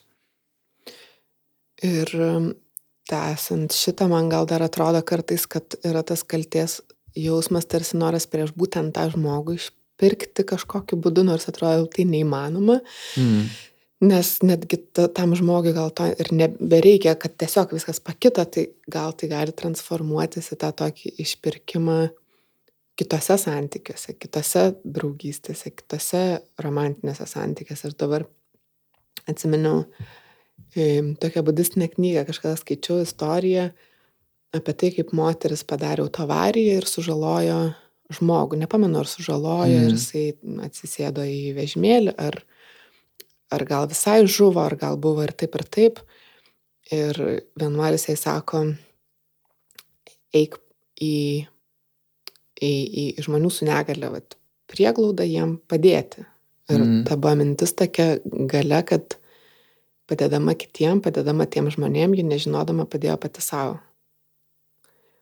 Ir kad iš esmės va tas, ta kaltė tokia, kai tu padarai kažką ar ne, net pavyzdžiui, autoavarija ir žūsta žmogus e, dėl tavo, gal net ne tavo kalties, bet tu tenai dalyvavai. E, tas pats ir santykiuose, tai nėra vieno žmogaus kaltė dažniausiai, tai yra dviejų žmonių negebėjimas turbūt mm. susikalbėti ar būti atviriem, autentiškiam. Ir galbūt va, tas noras išpirkta kaltės nebūtinai turi būti tiesiogiai nukreiptas į tuos žmonės, prieš kuriuos, su kuriais tai atsitiko, bet kad tai gali pasitarnauti tavo paties kaip žmogaus evoliucijai ir santykiui su aplinka. Mm. Man turbūt vienas iš baisiausių filmų apie tai tai yra Manchester by the Sea. Būtent tas scenarius, kur žmogus, žinai, eina nusipirkti savo dar alkoholio ir kažką negerai sužiūri su ugnimi ir grįžęs randa sudegusius namus, kuriuose miršta jo vaikai. O žmona išgyvena, nu, čia tai atrodo didžiulė, sunkiai pakeliama tragedija. Ir tada va tas verimasis, ne, ką toliau daryti su tokia kančia. Ir man atrodo, kad vat, kai kurios tokios kančios, jos tokios galingos, kad didžiulių pagalbų, resursų reikia, kad grįžti į gyvenimą ir toliau kažką kurti. Bet man net ir, nu, tokiuose baisiausiose prisidirbusių žmonių istorijose lab, vis tiek lieka tas, ta viltis, kad vis tiek prašau grįžkite ir ieškokite kelio. Ieškokite kelio ne tik ten nusibausti, susigriaužti save, bet kaip vėl grįžti prie proaktyvaus kūrimo Net tai, kad tu sakei, vat, išpirkti kitiem žmonėm. Mhm. Aišku, nu, tai neturi tapti galimybę pasiteisinti, ne, kad aš ten vieniem žmonėm gėrio kuriu, bet už tai va tenais galiu eiti ir nežinau. Mhm. Nežinau, nu tarkim, naudotis pažeidžiamai žmonėmis ir pirkti iš jų seksualinės paslaugas. Mhm. Aš irgi neseniai e, buvo tokia situacija, kur vienas žmogus apie kitą žmogų sako, bet jis padarė tiek nusikaltimų, man keista, kad jis nenusižudė, kad jis vis dar gyvena ir mėgaujasi beveik gyvenimu, mm. nes tarsi už visą tai, ką jis padarė, nebeturėtų teisės gyventi apskritai, o jau apie mėgavimąsi net nėra kalbos. Mm. Ha, ir vat tas uh E, mirties bausmės panaikinimas, mhm. ne, vad koks tai yra svarbus evoliuciškai visuomenės žingsnis į priekį. Kaip toli nueisiam žmogui, mes vis dar suteikiam galimybę atsiprašyti ir grįžti į gyvenimą. Ar keturių vaikų tėvas, būdamas e, poveikį alkoholio ir netyčia kelyje nužudęs kitą žmogų, turi teisę grįžti, grįžti į vat, viešus darbus, būti tėvu, būti būti matomu žmogum ir toliau funkcionuoti ir, nežinau, gal vat, nustot vartoti alkoholį, nustoti eiti į kazino ir kad tapti to pavyzdžių ir gyventi šitoje visuomeniai. Nu, aš labai noriu tikėti, kad taip. Iš kitos pusės, ta mirties bausmė ir savižudybė atrodo kaip lengviausias būdas um, pasitraukti. Bet atrodo, kad šalia mes kalbam apie tą cancel culture, ne mm -hmm. tik mhm. tais apie tą, nu, vat, mirties bausmę, taip, taip, bet ir apie taip, tai, taip. kad, vat, nežinau, vat, ta pati tema, ne ten menininkas, kuris turi savo istoriją, ten Me Too, ne, mhm. su ko nors. A, ką mes toliau darom su juo? Nu, pirmiausia, ką jisai daro. Jo, pirmiausia, kaip jisai reaguoja. Kaltę. Taip, ar pripažįsta kaltę, ar atgailauja. Mhm. Ne? Ir vat, atgaila, atrodo, yra svarbus momentas. Mhm. Va ir šiandieną dirbome grupėje ir vienas žmogus buvo toks jausmas, kad valandą laiko vat, mūsų visų laiko pasiemė, bet nieko iki galo nenorėjo su to daryti nei per kažkokį tokį skausmo kelią, nei per pykčio kelią, nei per, nei per meilės kelią, vat visur toksai blankus, blankus, drungnas ir išsisukinėjantis nuo visko. Ir vienas žmogus sako, žinai, vat aš tikrai jaučiu, kad aš tiek daug stengiausi, bet nieko neįvyko. Tu gali manęs atsiprašyti. Ir atsiprašo ir tas žmogus, gerai atleidžiu. Ir aš tada jam sakau, nu bet at, tu pasakyk, at, kiek tame buvo nuoširdumo atsiprašyme. Jis sako, nu, akis tai tokios gan tikros buvo, taip nuo 1 iki 100 apie 60 procentų. Nu, bet žodžiuose tai, sako, nu, 1 procentas. Sako, nu tai viską sudėjus, nu čia apie 30. O sakau, tai o kaip tu taip va, tada atleidai, jeigu tas 30? Ai, nežinau, sako, nu tiesiog atrodo, taip kaip darželėje mokino, pasakė atsiprašau, pasakė atleidau. Ir va tikras santykis taip ir neatsiranda, ne? Žmogus atsiprašo, nes turi atsiprašyti be jokios atgailos. Ir emiliai tame nėra kalties iš gyvenimo. Tada tiesiog yra noras kuo greičiau grįžti į ten, kur jisai buvo. Ir išspręsti tarsi situaciją pagal taisyklės. Mm, algoritmas. Mhm. Ne žmogus, ne ryšys, ne emocija, ne išgyvenimas. Ir priklausomi žmonės ir kalties išgyvenimas, va čia yra labai sudėtingas mechanizmas, nes va, ta, tas žmogus, kuris užėmė valandą laiko, tai buvo priklausoma nuo alkoholio moteris. Ir iš tikrųjų tai yra žmogus, kuris vis mažiau mokinasi iš savo elgesio pasiekmių. Ir tai reiškia, kad va, ta kaltė vis labiau yra įdarbinta į mechanizmą įklampinti atgal į kančią, kad žmogus vėl vartotų. Ir vis mažiau įdarbinta į mechanizmą, kad žmogus iš tikrųjų keistusi kad tai Mhm. taptų veiksminga kaltė. Dar besiraždama kažkur perskaičiau, kad, kad kalties jausmas gali būti pasąmoningas toks noras būti nubaustam. Mm. Nes tokia kalties esmė tarsi yra arba nubausti, arba būti nubaustam. Ir vad būti nubaustam, kai galbūt jautiesi nevertas um, kažko. Nu, būt nubaustam, jeigu nejauti, kad gali kompensuoti įvykusi kažkokį blogį. O iš kitos pusės, nu, kartais tai net ir lengviau būti nubaustam, negu pabandyti Pačiam ieškoti būdo, kaip iš- išlyginti, ištiesinti tą situaciją. Mhm. Nors aš ir šį savaitgalį mačiau vaikuose, kai vienas ten, vienas kitą užgavo ir tada jisai čia toj bėgsiu, pasiskūsti, o kitas sako, ne, ne, tai tu trenk man atgal. kad tik tais nereiktų aiškinti su mama. Aš vieną noriu paleisti klausytojo klausimą. Labas Berta, labas Andriau. Aš gal iki galo nepažįstu kalties jausmo, e, bet atrodo, kad jis man dar gyvenime nėra padėjęs. Mm, Atvirkščiai, e, sukelia daug skausmo, e, mano manimu nereikalingo. Ir problema, kad tas skausmas labai traukia žemyn. Atrodo, kad kaltinimai savo niekur neveda, o kaltinimai aplinkai gali lengvai atvesti iki tokios aukos pozicijos. Ir mm, aš nenorėjau taip jaustis ir e, atradau gailestį kaip po tokią, kaip čia pasakyti, alternatyvą e, kalties jausmui. Ir nesvarbu, tas gailestis yra savo ar draugui, e, jis irgi sukelia tam tikrą skausmą, bet e, jis yra kitoks. Skausmas, kuris turi daugiau empatijos ir su labai aiškiu suvokimu, kad iš savo klaidų galima mokytis, kad klaida yra pamoka, kuri galų gale gali atnešti gražų pokytį, o ne tiesiog kažkoks gyvenimo nuosprendis, kurio tu negali pakeisti, kaip e, man būna su kalties jausmu. Tai klausimas yra toks. Gal aš nepilnai pažįstu kalties jausmą ir gal jis mums gali padėti ir yra reikalingas. Čia, man atrodo, labai gražiai susumavo keletą dalykų, Mhm. apie kuriuos mes kalbėjom. Ir gali pakreipti tavo pokalbį į pabaigą jau einant į tą teigiamą, pozityvę kalties pusę. Mm. Kaip ją išnaudoti. Ha, nes atrodo, kad tai jau, jeigu tas žmogus nejaustų, ne, visai kalties, tai iš kur jisai žinotų, vat, kada atgailaut. Jisai, aišku, gailestį naudoja, bet turbūt labiau jis turi minėję atgailą ir atjautą. Nu, man toks jausmas yra. Nors pagailėti viens kito mes dažnai naudojame irgi tą žodį, ne? Bet, e, nu, kaltė yra susijusi su atjauta.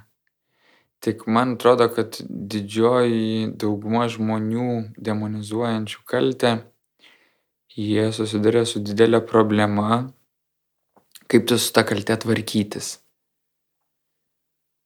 Su vat nemokėjimu atgailauti, atsiprašyti, atleisti savo, atleisti kitiems. mažai kartų gal, žinai, yra kartuoja tą maldelę, kad atleisk man, kaip ir mes atleidžiame savo kaltininkams.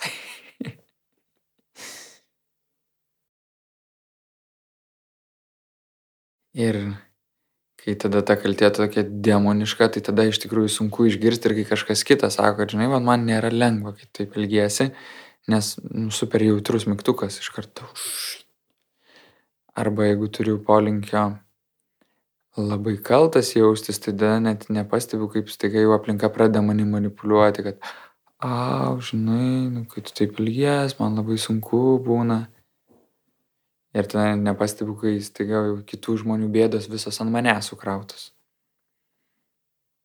Na, kažkoks va, toks tikėjimas savim tai ir yra toks ir, ir tikėjimas kitais kaip savarankiškais stipriais žmonėmis, tai yra tikėjimas, kad aš galiu panešti savo kaltes ir kad aš esu atsakingas išgirsti kitų žmonių poreikius, bet aš nesu atsakingas skaityti mintis ir nuspėti, kokius kitas žmogus poreikius turi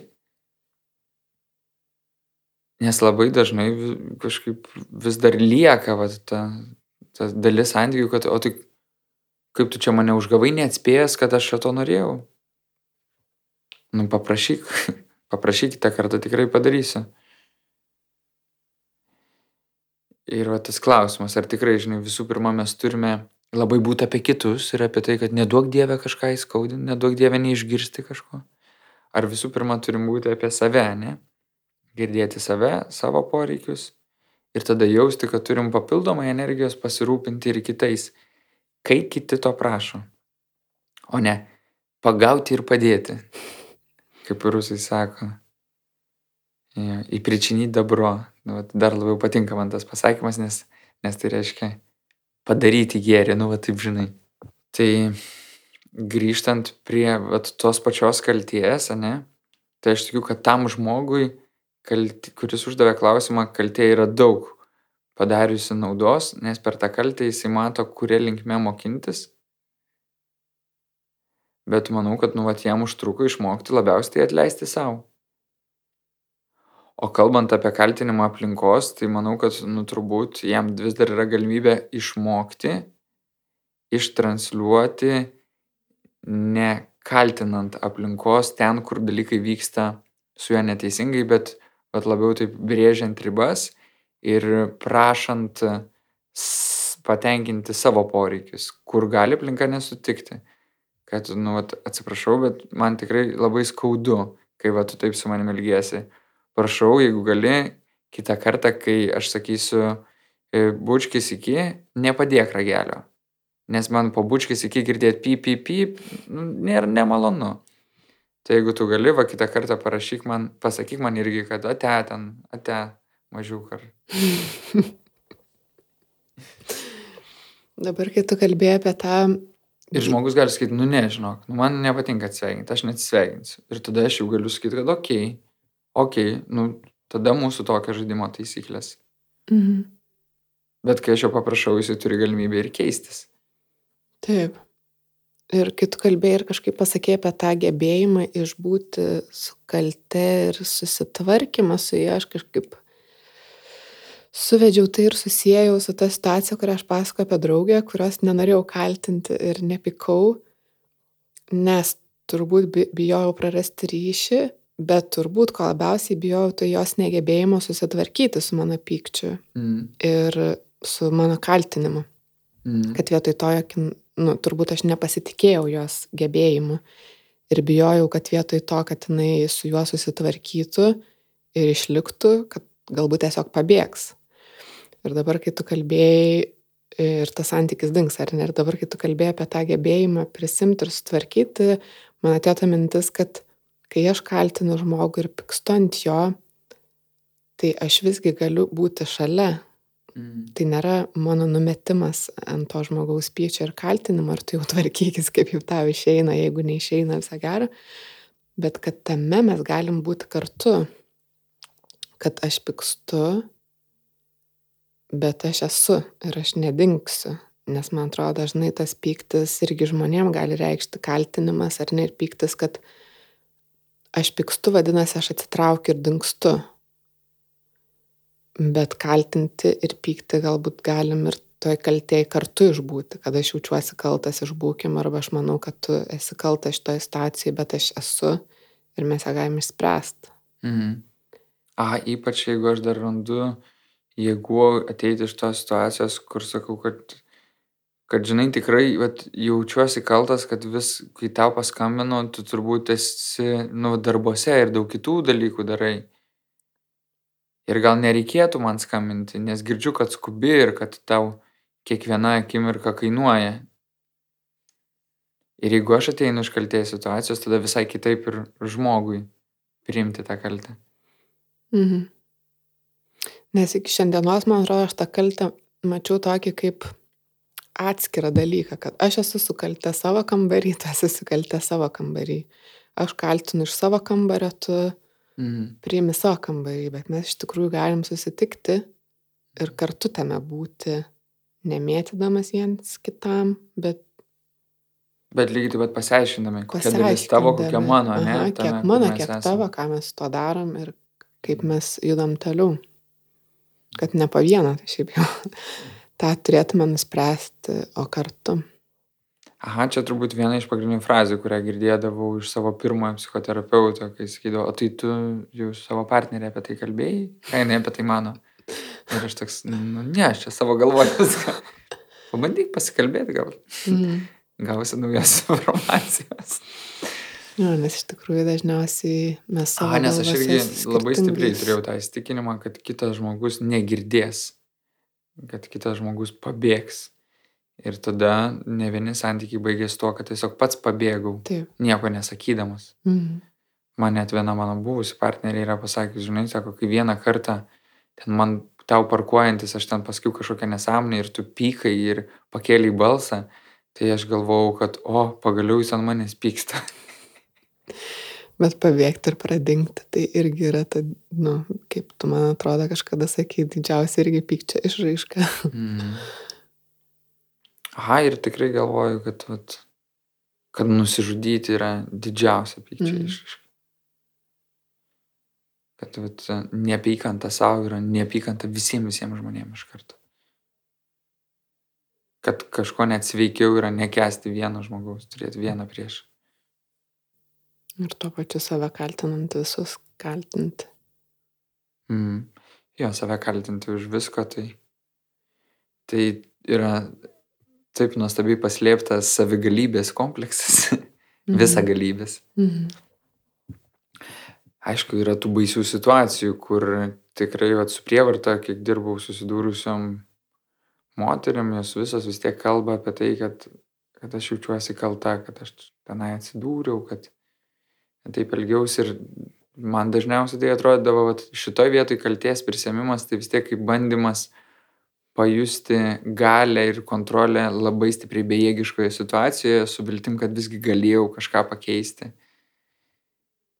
Iš kitos pusės, tai tampa stiprių stabdžių, vat, nesustaikyti ir nepriimti tos situacijos ir ne, neišgyvento beigiškumo, kad tikrai, va tikrai aš esu tiek silpna, kad galbūt, kad ir kitą kartą tai išgyvensiu.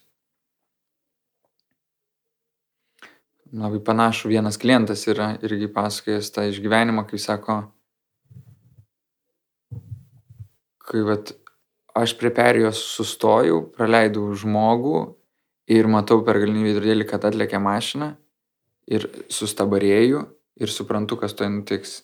Ir tada žmogus išeina ant mašinos ir mašina nutrenkia žmogų ant perėjai. Ir aš sustabarėjau keliam sekundėm, tada žmonės šoka padėti tam žmogui, o ką aš darau, išvažiuoju. Ir sako, kad tokią kaltę, sako, kad nešiojuosi jau 15 metų. Kad toje vietoje sustabarėjau ir tada pabėgau. Ir va primti tą bėgiškumą, kad jis iš tikrųjų jautėsi bejėgis toje situacijoje. Ir tikrai būtų geriau, kad jis būtų turėjęs jėgų, nežinau, papipsinta, ne, pradėti šaukti kažką. Bet jis buvo bejėgis. Nu, kartais mes negalim prisimti atsakomybės net už savo kūną, savo elgesį. Mhm. Turbūt kita sunki tema, kurios mes šiandien taip ir nepajudinom, tai va ta kolektyvinė kaltė, ne? Ir aš kuo toliau, tuo tikrai kažkaip gyvenamas labiau galvoju, kad daug svarbesnė yra ta asmeninė kaltė. Ir vad būtent ta vakarų civilizacija ir būtent individuali atsakomybė, individualus žmogus, atsakingas už savo poreikių pažinimą, prašymą, leidimas išpirkti savo kaltes, asmeninė atsakomybė už tam tikrus procesus, nu, man atrodo, jinai labai svarbi. Bet vat, galvodamas apie savo tam tikrą vat, pradžiai karo sukilusią, ką mes ir esam kalbėję, neapykantą vat, Rusijai dėl prasidėjusio karo, aš jaučiau, kad vat, vienas iš tokių švelninančių pamilimo vat, aspektų, per kurį atleisti man buvo pajūtimas ir savo kalties. Vat, toks, toksai, vat, o ką aš padariau, su kiek rusų aš pasikalbėjau iki to laiko, kiek, kiek aš jiem padėjau vat, judėti kažkokia linkme tobulėti. Tai aš suprantu, kad šitoje vietoje nu, mano kaltė jinai nėra didelė, nes mano gale nėra didelė prieš tai buvusi. Bet net ir ta nedidelė kaltė, jinai padeda vat, per kažkokią atjautą susitikti.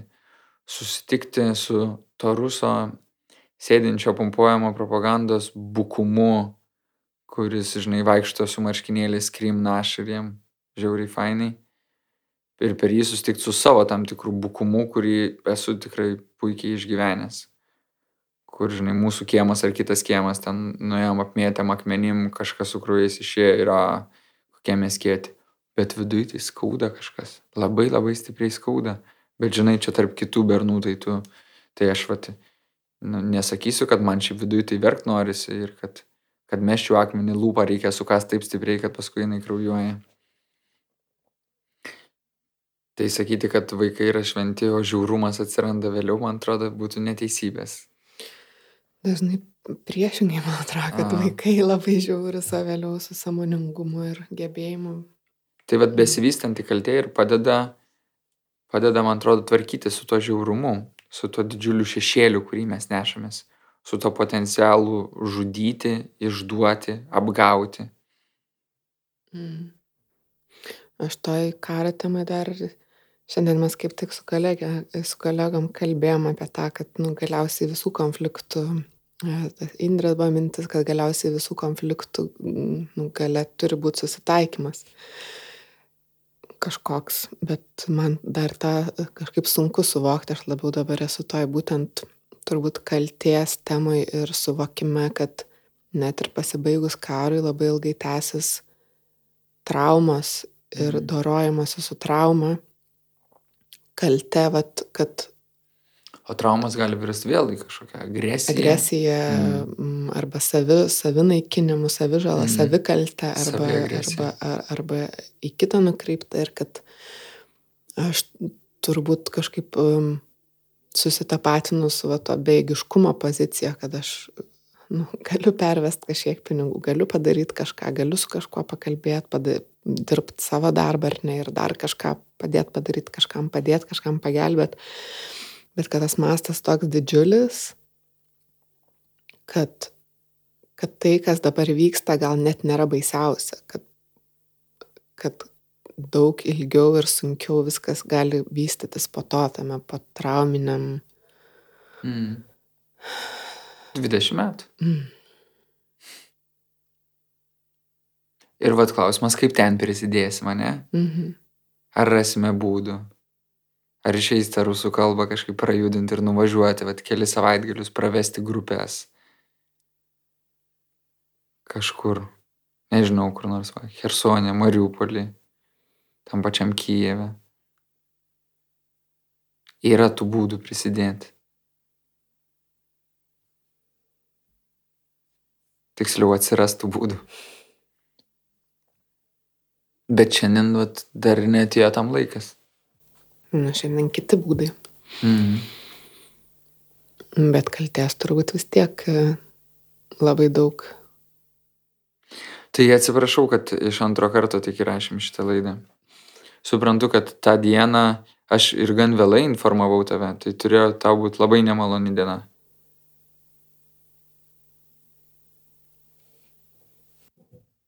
Apie ką grūdinės? ne, tiesiog atrodo, kad net neaišku, ką pasakyti, nes iš vienos pusės kaip ir suprantu ir atleidžiu tuo pačiu metu beveik. Mhm. Iš kitos pusės išgirsti atsiprašymą ir ne tik sorry, o tą tokį pilną. Mhm. Tada atrodo, kad net nežinau, ką pasakyti. Mhm.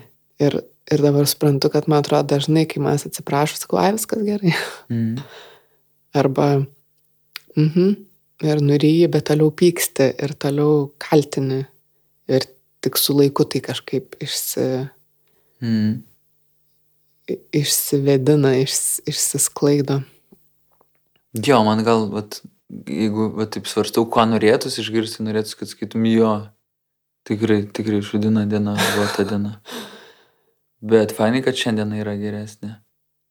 Ir kad šiandien pavyko. Va toks, žinai, kažkoks toks pripažinimas, to skausmo, pabuvimas su juo. Ir tada, vat, pereimas į, į paleidimą kažkokį. Mm, Jo, nes atrodo, kad gal net ta, tos situacijos reikėjo šitai temai ir to laiko ilgiau Mm. mm. pabūt su tuo ir dar giliau išjaust pačią kaltę ir jos sluoksnius ir Manau, kad nebereikalo krikščionybėje kaltė sudaro tokią svarbę atramą. Mhm. Bet jau kitam kartui. Mhm. Man atrodo, kad svarbus šiandienos man, dėl ko įvyko tas pokalbis. Mm, Tai gal dėl to, kad mm, tame suvokime, kad mm, mes, kad nebūtinai atskirai mes esam sukalties ir kaltinimo, atsiprašymo, atleidimo jausmų, kad galim ieškoti būdų tame išbūti kartu. Ne tik, kad aš pykstu ir nueinu ir tu tvarkykis ir tu ateik tada jau su atsiprašymu, bet mes kartu galim nueiti nuo pykčio iki atsiprašymo, iki atleidimo. Visą procesą. Nu, vat, o man gal svarbi buvo dalis, kad ir tuo pačiu pabūti tame procese su tavimi ir pajusti, kur va kažkoks trigesys atsiras. Nes man atrodo, jeigu tu atleidi man, man net gailavus, tai jau vat, numirė santykio dalis. Mhm. O, vat, o jeigu mano atgaila taip stipriai tave sujudina, tai kažkur tu pereini į tokią vidinę stipresnę atgailą ir jau tada jau nebe mano ir tavo santykis, o jau kažkas apie tave, ne, tada jau vyksta. Ir aš, žinai, šitą vietą turbūt labiausiai spėčiau, kad vat, ateina tas skausmas, kad o kiek daug kartų manęs neatsiprašė. Kad iš dalies vat, yra džiaugsmas, bet ir va, tas liudesys ir ilgesys apie tai, kiek daug kartų mes patyrėm sunkumų, kur ta aplinka taip ir neišdryso prisimti atsakomybę ir pasakyti, kad atsiprašau, kad tave taip įskaudinau. Tu tikrai nebuvai to vertas. Ir viena iš labai svarbių dalių, va, būtent dirbant grupėmis, ką aš matau, kai, vat, kai prieina, prieina vat, vyresnis vyras prie, žinai, prie, prie kito grupės nario ir, ir kaip tėvas atsiprašo sunaus ir kaip matosi, kaip tas sunus, vat, nesenai vyko tokia situacija su pacientu, kurio tėvas nusižudė ir jisai pilnas neapykantos tam tėvui ir su neapykanta kalbėjo, kalbėjo į tą vyresnį vyrą ir tas vyresnis vyras priejo, atsiklaupė ir atsiprašė. Sako, aš labai atsiprašau, aš norėčiau būti gyvas ir labai norėčiau padėti tau toliau judėti į priekį. Ir, ir staiga iš neapykantos tas toks didžiulis vyras, žinai, ištirpo ir jis sako, tėtė, aš labai norėčiau, kad tu būtum gyvas. Man labai tavęs trūksta. Tai vad manau, kad atsiprašymuose ir trūksta to tokio susitikimo ir pajūtimo, kad vat, kitas atjaučia mūsų skausmą, nebijo jo, susitinka su juo. Ir vat susitikti kaltėjai, tai reiškia taip pat kaip susitikti skausme. Pabūti kartu atjautoj, o nestumdyti viens nuo kito, ne, kaip daiktą. Ir neformaliai tą padaryti, ką sakėjai, Mm. pagal algoritmą. Mm.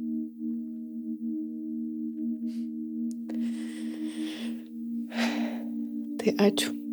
Ačiū tau.